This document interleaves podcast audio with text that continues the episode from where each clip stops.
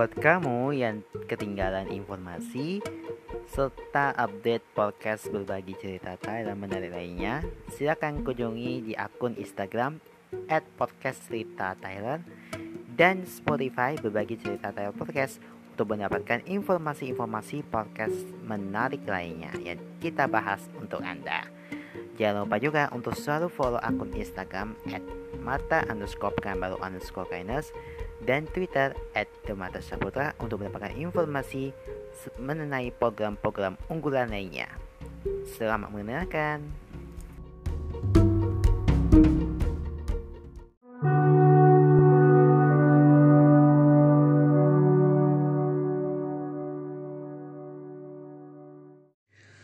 Halo, selamat datang di podcast berbagi cerita Thailand musim 4 Halo teman-teman, sahabat Radarku semua. Kembali lagi bersama aku, Mereka Saputra dan temanku Tyler King. Dan ini sekarang lagi di tempat tidur. Ini sudah menunjukkan waktu pukul 2 Sengaja aku bikin podcast. Karena aku kepikiran untuk membuat sebuah materi yang gak pernah kalian lupakan. Dan kebetulan saya lagi tidur ya. Uh, Di sini gua sendirian tapi ada banyak lagi cerita-cerita hal yang pastinya bikin kalian terlelap dalam tidur. Karena kita tahu tidur itu merupakan sesuatu yang baik ya. Membuat kita harus lelah dalam pekerjaan atau pengen kita beristirahat dengan tenang gitu tanpa rasa ada gangguan apa pun tapi gue gak bakal bahas itu. Dan aku mau bicara dengan matahari. Karena ada banyak cerita yang pasti keinget dalam hidupku betapa matahari membutuhkan kita untuk bekerja mencari nafkah mencari apa pun lah yang kita kalian lakukan selama ini.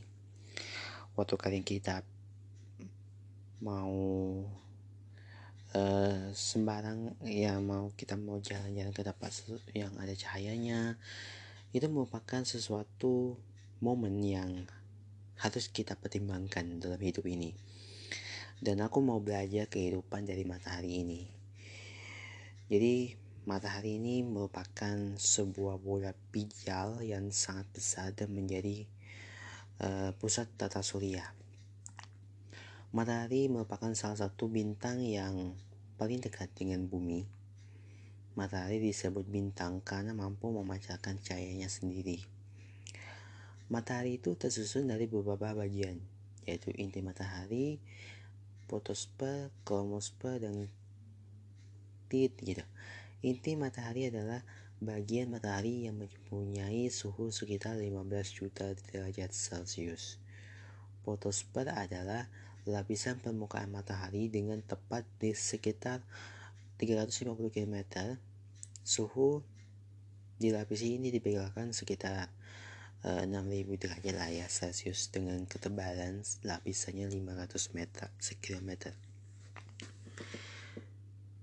Tapi kita nggak mengkaji ya lebih lanjut tentang pengertian matahari, tetapi kita akan mencoba itu belajar kehidupan dari sifat yang dimiliki oleh matahari. Yang pertama adalah setia. Matahari itu sebagaimana kita ketahui, sejak miliaran tahun yang lalu tetap setia menyinari bumi setiap hari. Walaupun matahari juga sering dicaci maki karena cahayanya yang terlalu panas di siang hari. Ya padahal kan sesungguhnya itu bukan salahnya matahari sih, tapi ulah manusia yang menimbulkan pencemaran dan menyebabkan pemanasan global dan lapisan ozon menipis sehingga sinar matahari dirasakan panas sampai ke bumi. Sifat matahari tersebut memberikan petunjuk bahwa kita harus setia dan terus setia pada pasangan hidup kita. Walaupun sering diselimuti awan, tetapi tetap tegar dan teguh untuk mempertahankan kesetiaannya. Adil Matahari itu tidak pernah apa ya membedakan antara kotoran, emas, batu, pepohonan hewan, dan benda-benda lainnya. Semua diperlakukan sama dengan tetap memberikan cahayanya. Sifat matahari itu tersebut memberikan pelajaran bahwa kita semestinya memiliki sifat adil kepada siapa pun. Perlakukan setiap orang secara manusiawi. Janganlah mengandalkan orang karena ia orang kecil, orang miskin dan sejenisnya. Setiap manusia adalah sama di mata Tuhan. Yang membedakan adalah amal perbuatannya. Oleh karena itu, tidak baiklah untuk kita menghakimi sendiri atas perbedaan fisik, status sosial, ekonomi, dan lain sebagainya gitu. Cinta kasih. Matahari itu selalu menjaga kehidupan di bumi, menjaga dari jarak yang diperlukan, karena apabila terlalu dekat, ia bisa membakar. Tapi kalau jauh, kita bisa kedinginan. Dengan cara itulah matahari menunjukkan cinta kasih kepada makhluk hidup. Sifat matahari itu memberikan pelajaran bahwa cinta kasih kepada setiap makhluk hidup itu sangat penting. Cinta kasih adalah hakikat dari hidup ini. Setiap orang yang memiliki cinta kasih itu, maka hidupnya itu dipenuhi dengan cinta juga. Cinta dalam arti luas itu bukan cinta ya, dalam arti sempit gitu Cinta dalam arti kan luas adalah cinta kepada siapa saja, setiap makhluk. Sedangkan cinta dalam arti sempit itu sering dimaknai hubungan sepasang kekasih gitu. Kekuatan Jadi matahari itu memiliki energi dari luar biasa. Energi dari matahari ini dimanfaatkan oleh kehidupan makhluk hidup di bumi gitu. Tumbuhan, hewan, dan manusia memerlukan cahaya energi matahari ini. Energi matahari ini sangat kuat sehingga bisa dimanfaatkan untuk pembangkit listrik tenaga surya. Ya walaupun sinar matahari terus menerus dimanfaatkan oleh manusia, tapi tidak pernah habis-habisnya. Sifat matahari itu tersebut menunjukkan bahwa kita sebagai manusia itu harus memiliki kekuatan untuk terus menerus membuat kebaikan kepada orang lain. Sebagai manusia, kita jangan pernah berhenti dan lelah memberikan bantuan pada orang-orang di sekitar yang membutuhkan. Keikhlasan Matahari selalu ikhlas memberikan sinarnya kepada setiap makhluk di bumi tanpa mengharapkan imbalan. Matahari itu tidak pernah mengeluh cahaya matahari itu dimanfaatkan untuk kepentingan hidup manusia. Sifat matahari ini memberikan pelajaran bahwa kita harus ikhlas apabila memberikan pertolongan kepada seseorang. Tugas kita adalah menolong. Entah dibalas atau tidak bukan menjadi urusan kita lagi, tetapi menjadi urusan orang yang ditolong. Dari paparan di atas, sifat matahari itu sangat mulia. Sifat matahari yang dapat dijadikan pedoman dalam hidup, yaitu kesetiaan, keadilan, cinta kasih, kekuatan, dan keikhlasan dengan meneladani sifat matahari tersebut diharapkan kita bisa menjadi lebih pribadi yang lebih mulia, pribadi yang penuh dengan nilai-nilai kebajikan.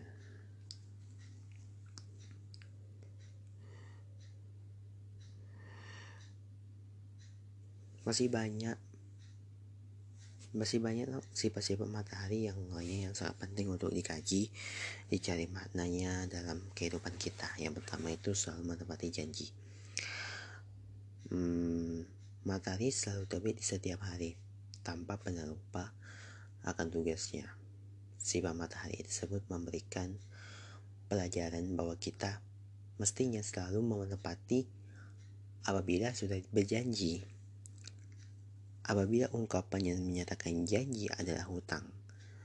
Hutang harus dibayar, jadi janjinya itu harus dibayar dengan menepatinya. Seringkali kita berjanji dengan teman untuk bertemu pada waktu yang dan tempat yang telah ditentukan. Akan tetapi, kita sering telah datang dengan berbagai alasan bahkan membatalkan ketika pas hari itu juga kebiasaan itu seperti itu tentu tidak baik ya dan mesti belajar pentingnya arti menepati janji dari sifat matahari. Memberi dan memberi. Matahari itu selalu menyinari kepada setiap makhluk, baik makhluk hidup maupun makhluk tak hidup. Artinya, kita terus memberikan manfaat kepada setiap orang, bahkan kepada setiap makhluk yang ada di sekeliling kita. Masih banyak di antara kita barangkali yang hanya bisa menerima dan menerima dan tidak ikhlas memberi. Ringan tangan ketika menerima, tetapi berat tangan ketika memberi dengan alasan dengan susah payah didapat masa diberikan ke orang. Jika Anda masih berpikiran demikian, tampaknya perlu belajar pentingnya arti memberi dari sifat matahari itu. Ya, sesungguhnya itu kita kalau kita memberi bukan berarti kita kehilangan, justru bertambah. Bukan Mungkin secara fisik seperti berkurang, tetapi secara spiritual kita bertambah. Bertambah dalam hal keikhlasan, bertambah dalam kebahagiaan, bertambah dalam hal kedamaian. Bahkan juga bertambah rezeki. Tidak egois. Matahari itu selalu memberikan tempat kepada bulan dan bintang untuk menyinari bumi. Hal ini menunjukkan bahwa kita tidak boleh egois, tidak boleh memonopoli sendiri kalaupun kita memiliki kekuatan. Sebagai manusia, kita harus memberikan kesempatan kepada yang lain untuk menunjukkan kemampuan dan kekuatan juga.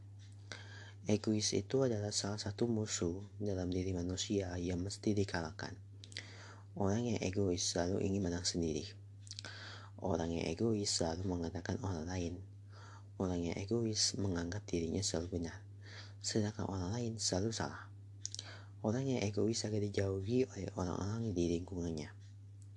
Tentu kita tidak ingin menjadi orang yang disisihkan oleh lingkungan. Oleh karena itu kuncinya adalah tidak egois dan tetap rendah hati di mana pun berada. Mengenali dirinya sendiri. Matahari selalu menyinari salah satu sisi bumi saja sedangkan sisi yang lainnya tidak mampu disinari pada waktu yang bersamaan. Sifat ini menunjukkan bahwa kita tidak bisa melakukan segala sesuatu sekaligus pada waktu dan detik itu juga. Semua butuh proses, semua ada waktunya. Tugas kita adalah bersabar dan menikmati prosesnya. Mengenali diri sendiri sangat penting, sehingga kita tahu kekuatan yang kelemahan yang dimiliki dengan demikian tahu apa yang harus dilakukan untuk mencapai tujuan yang dicita-citakan. Memberikan kehangatan. Tidak dapat dilakukan lagi matahari selalu memberikan kehangatan di pagi hari bahkan sehingga matahari sangat baik bagi kesehatan karena mengandung vitamin D. Sifat matahari tersebut memberikan pelajaran bahwa kita harus bisa memberikan kehangatan kepada orang-orang di lingkungan sekeliling. Hanya orang-orang yang bijaksana dengan penuh kebajikan yang bisa memberikan rasa kehangatan yang bagi di lingkungan sekitarnya. Orang yang demikian sulit nanti kehadirannya. Di saat orang yang menghadapi masalah akan selalu berlindung padanya. Jadi Jadilah orang yang penuh dengan kehangatan dan memberikan manfaat bagi orang-orang di sekeliling Anda.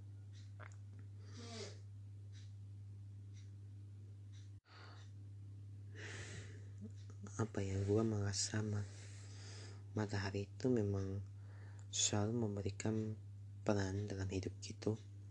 Bahwa kita tidak bisa uh, menjadi orang yang dirinya sendiri. Dan tak ada kata tak, tidak ada kata terlambat untuk belajar. Karena setiap pelajaran yang kita terima pasti kita diterima dan bisa dirasapi oleh sekitar kita uh,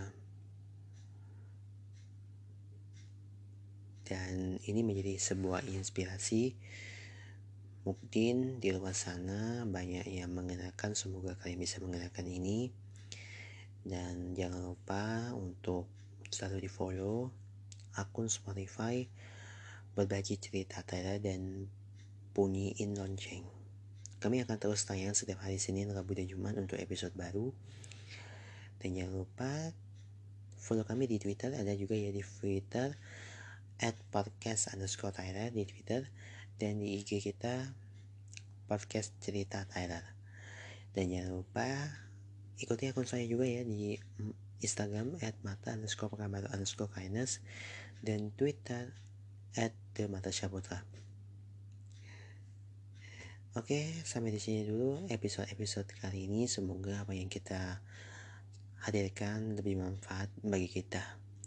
Tanya gitu, saya juga mau tidur ya. Dan sampai jumpa lagi di episode-episode podcast berbagi cerita Tyler selanjutnya. Sampai jumpa.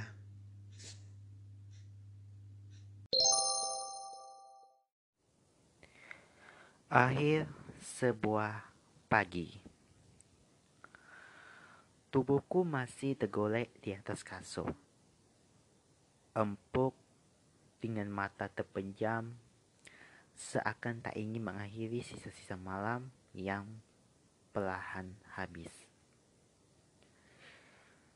Ingatku dengan segan memflashback kejadian mengacukan di malam ini.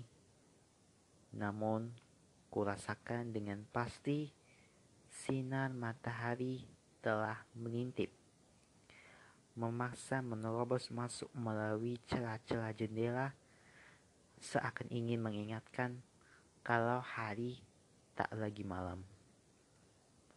Dengkuran harus terdengar dari orang yang lebahan di sampingku. Seulas senyum tersungging di bibirku, masih dengan mata terpenjam. Ku gerakan tangan dengan lembut, jari-jari halusku mulai menyusuri lengkuran wajah di sampingku. Aku menengal lekuan wajah dan menengal setiap bagian dari tubuhnya dengan baik dan bahkan sangat baik. Aku mengenali semua yang merupakan bagian dari dirinya seperti aku mengenali diriku. Ku rasakan wajahku bersinar terang seterang matahari yang menyapa alam di luar sana. Dengan perasaan hangat dan lembut, ku riwai rekaman tadi malam yang kusimpan merapat dalam memoriku dan kemudian Ku putar lambat-lambat. Di sebuah kamar villa di kawasan Lembang yang sejuk. Sebuah tempat yang jauh dari keramaian kota Bandung. Sebuah tempat yang cukup nyaman untuk melepas semua lelah dengan segala kepenatan. Sebuah tempat yang cukup aman untuk melindungi diri dari peliknya problematika hidup dan juga sebuah tempat yang mampu membawa beberapa tahun silam kembali dalam genggamanku. Tadi malam di tempat itu, ketika rembulan dengan malu-malu menampakkan diri, ketika gemitang berkelip tajam tanpa terhalang mendung, ketika malam semakin pekat, ketika suara jangkrik dan bintang binatang lainnya bersahaulah jauh di luar sana. Ketika aneh berhembus lilih, ketika tembok dan seluruh isi di kamar itu dia membisu. Aku dan dia terhanyut larut dalam kerinduan yang makin berkarat. Kerinduan akan keindahan yang selama ini selalu kami inginkan Kerinduan akan saat-saat seperti itu yang ternyata terjadi bahkan setelah bertahun-tahun perpisahan. Tak ada suara, tak ada kata-kata. Kebisuan kami menambah bisunya ruangan itu. Hanya desahan nafas yang memburu, bertarung dengan gelapnya malam yang kian pekat. Seulas senyum tersinggung di bibirku Jari tanganku semakin lincah menyusuri tubuh yang lebahan di sampingku. Mataku masih terpenjam tanpa ada keinginan untuk membukanya. Sungguh, malam ini begitu teba- berbaik hati kepadaku, sehingga aku bisa bermimpi indah. Aku bisa melewati malam ini dengan baik dan lancar, tanpa harus terbebani dengan berbagai perasaan yang selalu menghinggapi setiap malamku. Merasa jijik dengan bau keringat yang selalu terasa asing, meski telah sering kucium bau itu. Merasa risih mendengar deru nafas penuh birahi. Merasa terganggu jika ada air ludah bercampur dengan air ludahku. Juga merasa perih dan tertusuk di hatiku sehingga aku harus meneteskan air mata. Sungguh, malam ini begitu mengabjubkan. Ia mampu menghantarkan sebuah keindahan yang kuinginkan dari beribu malamku yang terlengup. Ia mampu mewujudkan mimpi dan kerinduan yang kian berkarat setiap detiknya. Ia mampu mengubah rasa jijik, risih, terganggu, dan rasa perihati menjadi sebuah keinginan dan harapan untuk terus bisa merasakan damainya malam ini di malam-malam lainnya. Betapa keinginan itu terus membara, betapa keinginan itu tak pernah padam. Meski tahun-tahun telah aku lewati dengan berbagai dinamika kehidupan. Sentuhan jari-jari tanganku sepertinya tidak mengusir tidur lelapku. Ia hanya melihat sejenak dan kemudian terlelap lagi. Aku pun sama sekali tidak berniat membangunkannya. Tiba-tiba bunyi nada pioni pocket terdengar menggelitik telinga. Kurai telepon genggam miliknya dari mana bunyi itu berasal. Dengan segera aku mengetahuinya dari siapa panggilan tersebut. Pandanganku berpindah-pindah pada telepon genggam dan para pria yang lebahan di sampingku. Haruskah aku mengumumkannya? Pikirku ragu. Namun bunyi tersebut tak pernah berhenti dan makin lama semakin kencang. Dengan hati-hati akhirnya ia kubangunkan dan kusodorkan benda itu padanya yang ia sambut dengan enggan. Pagi, Sapanya dengan suara serak yang langsung mendapat jawaban dari seberang. Iya, papa baru bangun. Seminar kemarin sangat meluas energi sehingga terasa melelahkan. Apa? HP papa mati? Oh iya, tadi malam sengaja dimatikan supaya tidak mengganggu istirahat papa. Papa terlalu capek hingga tertidur lelap dan tidak tahu lagi apa yang terjadi hingga mama bangunkanku. Kulihat harinya bekerut mendengar ocehan dari ujung sana. Iya iya papa, usahakan segera pulang.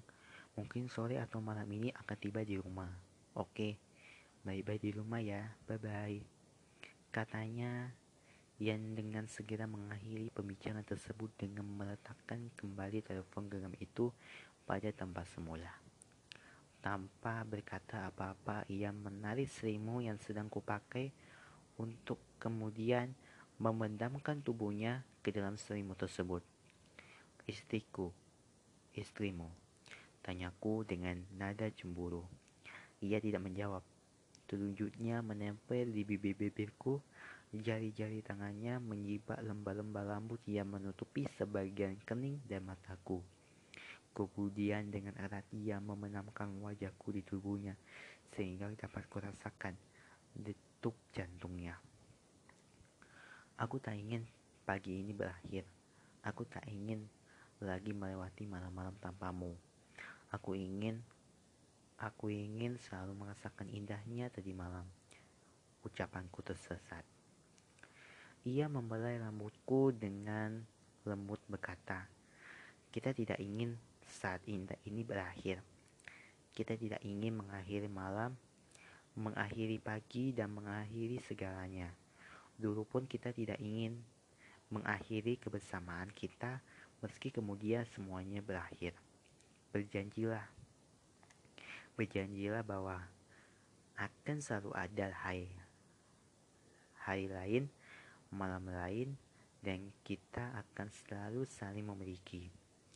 Ia melepaskan pelukannya dan terlentang dengan mata lurus mengatap langit-langit kamar. Dijadikanlah kedua tangan itu sebagai bantal. Desahan nafas panjang terdengar darinya. Aku tidak menyangka kita akan bertemu lagi setelah bertahun-tahun perpisahan yang menyakiti ikan itu. Dan di sinilah kita sekarang, di sebuah tempat yang dulu selalu kita idam-idamkan.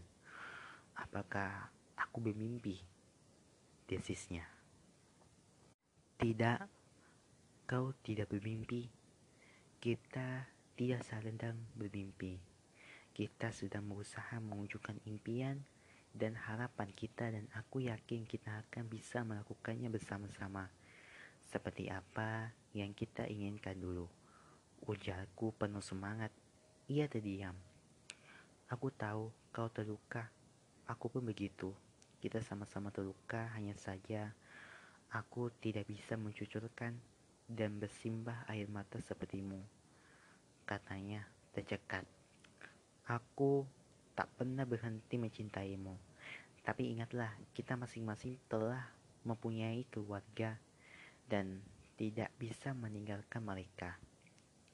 Kau, kau tidak tahu betapa menderitanya aku melalui malam-malam jijikan, mencium bau keringat orang yang tidak aku sukai, memperhatikannya, dan melahirkan anak untuknya. Kenapa aku tidak melahirkan anak untukmu? Kenapa? Semua itu begitu menyedihkan, kataku. Di segalanya Isa tangis. Ia mengejapkan mata, wajahnya menyinari kesakitan. Bibirnya bergetar. Perlahan dari sudut matanya, kulihat butiran bening yang kemudian membasahi bulu-bulu matanya. Aku tebang, aku tertegun. Betapa ia pun merasakan sakit yang sama sepertiku. Begitulah Akhir pagi pun berakhir. Berlalu dalam kepedihan, keindahan sekejap di malam itu tak mungkin lagi aku miliki. Dengan tegar maupun hampa, kubuka golden kamar, kubuka jendela, kubiarkan matahari merobos langsung menepakku likut. Dan sepertinya bukan hanya matahari yang akan menepakku, tapi akulah yang akan menyongsong dan menyantang nya dengan segala ketegaran yang kumiliki. Ku tatap hari dengan penuh kehampaan, ku biarkan rasa di hatiku hancur berkeping-keping hingga aku berharap tidak akan ada lagi rasa dalam diriku. Biarlah rasa ini mati, biarlah gurita selalu menyemburi hidupku. Karena bagiku, bersinar atau tidaknya matahari tak berarti banyak. Kapan sebenarnya berakhir mah? Coba bulannya, ya kangen. Rengek suara dalam telepon genggamanku.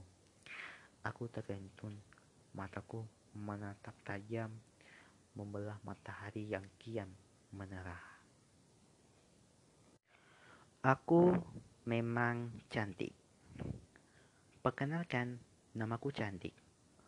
Orang tua menamakanku begitu karena mereka menginginkanku menjadi anak yang cantik. Dan muncul, aku memang tubuh menjadi wanita yang cantik. Aku memang cantik. Semua orang yang mengaku mengakui hal itu. Wajahku oval dengan hidung mancung dan mata yang indah. Bibirku merah segar meski tanpa memoles. Kulitku putih halus dan akan nampak kemerah-merahan jika panas matahari menyengat.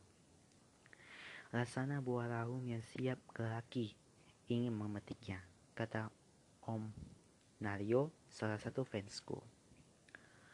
Rambutku hitam gelombang, tubuhku sital dengan dada berbungsung, badanku akan terlihat gemulai jika aku berjalan. Mbak gitar atau biola yang siap yang siap lelaki ingin memainkannya. Ujian Om Doni, fansku yang lain. Aku memang cantik, semua orang pasti mengakuinya. Jika ada yang tidak setuju dengan pendapat itu, maka orang itu biasanya iri dengan kecantikanku. Para lelaki hidung belang sangat memujaku.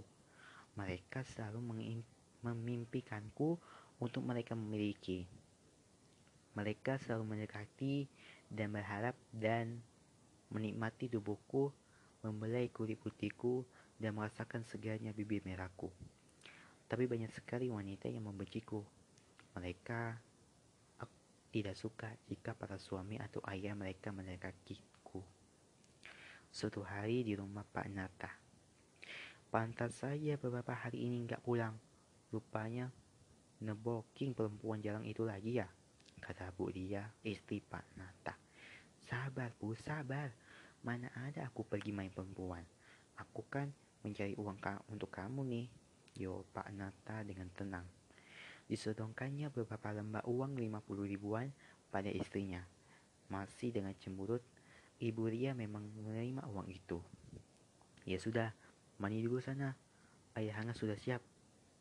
Suara Bu Ria melunak, tidak lagi sewot seperti sebelumnya. Untung tidak ketahuan, batin Panyata sambil mengusap dada. Diingatnya lagi tadi malam saat ia menyalipkan beberapa lembar ratusan ibu pada belahan dada si cantik. Aku memang cantik. Aku tak bosan mengenalkan hal itu karena aku memang cantik. Banyak lelaki bertekuk lutut karena kecantikanku, tapi sebenarnya modalku bukan hanya kecantikan wajah. Ada rahasia-rahasia lain yang kumiliki untuk membuat kaum Adam tak berdaya. Ingin tahu rahasianya? ini antara kita saja. Orang lain tak usah tahu. Pertama, aku selalu bertutur kata halus dan lembut agar meraih simpati semua orang, terutama para pria. Malahan terkadang aku pun mengenakan kerudung gaul dan baju panjang, bukan untuk menutupi aurat, melainkan untuk menutupi profesiku sebenarnya. Kedua, aku selalu memperlakukan lelaki sesuai dengan yang mereka inginkan. Aku tahu pasti di mana letak kelemahan mereka dan aku pun punya cara agar mereka bisa berpaling daripada isinya. Dan yang ketiga, ini yang paling rahasia. Sebenarnya, aku menggunakan sedikit pelet, susu, dan yami-yami dari Mak Dukun kepercayaanku supaya profesiku ini laku keras. Di rumah Pak Rian, perang, suara piring pecah membuka suasana pagi. Wajah pria itu terlihat merah dan membersih. Piring yang barusan dilemparkannya pecah berkeping-keping. Aku tidak suka setiap kali kamu mendukung berbuat sorong, teriaknya. Bu Roni istrinya terdiam dengan linangan air mata di pipi. Piring pecah dan sedikit tamparan dari sang suami cukup membuatnya ketakutan setengah mati. Tapi aku melihat sendiri kamu pergi dengan perempuan itu. Ujar Bu Doni isak-isak tangis. Dengar, Aku pergi dengannya hanya untuk urusan bisnis. Kamu dengar? Hanya untuk urusan bisnis. Tak lebih dari itu. Dan sang perempuan tidak tahu diuntung. Ujarnya garang. Dibantingnya pintunya dan kemudian ia pun pergi. Bayangan si cantik menari-nari di peluk buk matanya.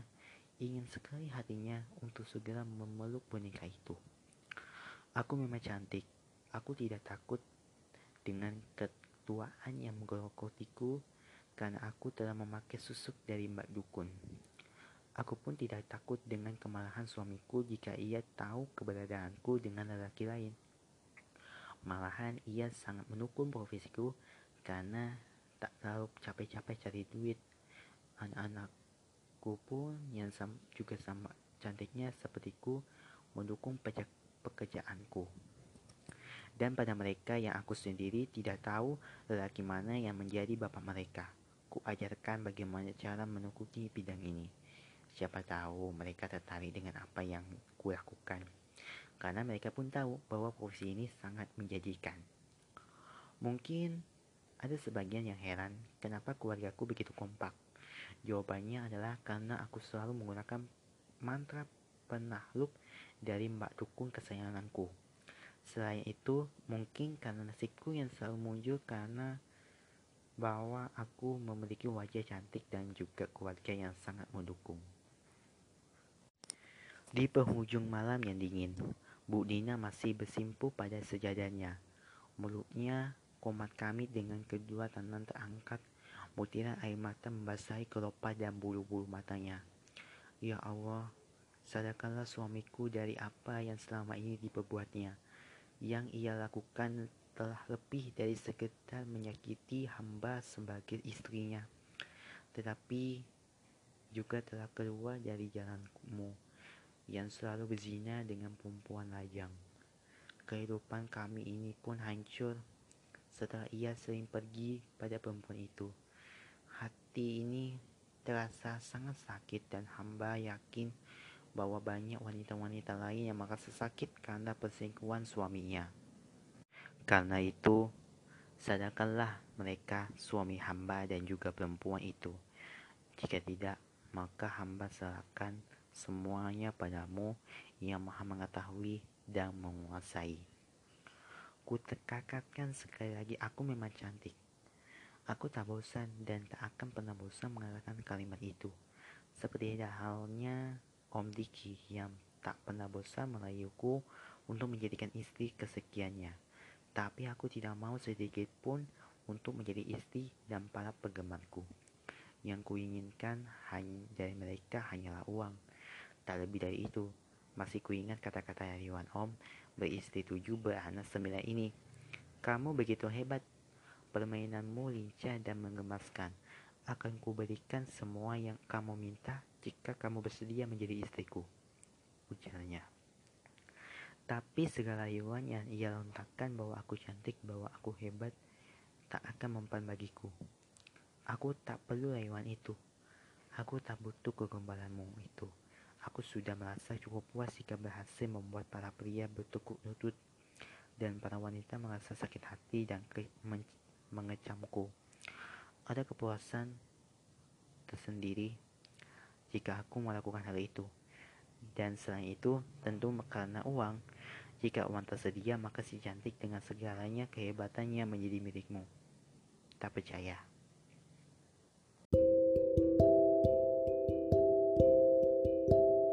Berbagi cerita Tyler hanya di Spotify.